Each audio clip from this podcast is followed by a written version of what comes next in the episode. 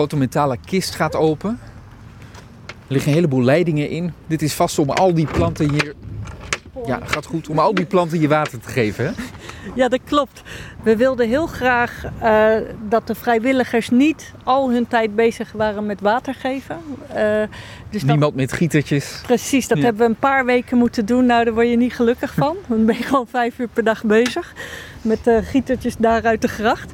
Maar dit systeem, dat kunnen we inprogrammeren. En dat stuurt iedere keer een ander compartiment van de vlindertuin aan. En dan liggen er buizen met gaatjes onder de grond. Wat het voordeel daarvan is, uh, vergeleken met sproeien vanaf boven, is dat er heel weinig water verdampt. Dus je, je hebt gewoon veel minder water nodig. Ja. En uh, ja, wij willen heel graag dat die vlindertuin echt klimaat- en milieuproject is. Dus op Zinder liggen zonnepanelen. We pakken daar water uit de gracht. En hier wordt het uh, via een energiezuinige pomp ook nog door de hele vlindertuin heen. Verspreid door de vlindertuin. Ja. We hebben een droge periode, dus het is een kwestie nu even van een druk op een knop. En als het goed is, gaat hij dan aan. Al die vlinders hè, die je hier dus graag zou willen hebben, die hebben allemaal waardplanten en weet ik het wat. Hè, planten waar de rupsen dan weer van eten. Het is eigenlijk best ingewikkeld, die natuur. En hier moet dat kunstmatig allemaal opgezet worden. Hoe ingewikkeld is het om allemaal voor elkaar te krijgen? Om ja. het iedere vlinder naar de zin te maken. Ja, dat is enorm ingewikkeld. Um, dus wij hebben daar een, een, expert voor ingehuurd, Gus. Ze heeft daar helemaal over meegedacht. Um, ja, en dan ga je dus kijken naar welke vlinders heb je überhaupt kans. Want je hebt natuurlijk ontzettend veel vlinders in Nederland. En niet alle zijn even realistisch om in de stad te verwachten. Dus je maakt een lijstje met soorten die hier eventueel dan voor kunnen komen. Dan ga je kijken naar wat zijn de waard- en de drachtplanten. Dus waar halen ze hun voedsel vandaan en waar willen de eitjes op afgezet worden. Uh, welke planten eten de rupsen.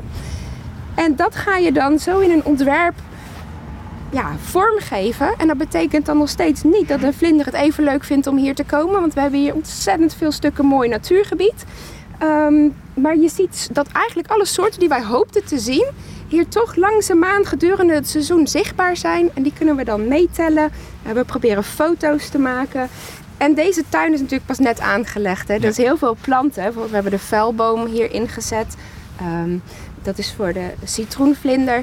En die moet dan eerst wat groter worden. Dat plantje dat was ongeveer tot kniehoogte toen wij hem hier inzetten. Ja, dat kan echt best wel een forse plant worden. En pas dan is die interessant voor de vlinders. Ja. Dus die tuin moet eerst lekker doorontwikkelen. Hetzelfde hiervoor waar jij achter zit.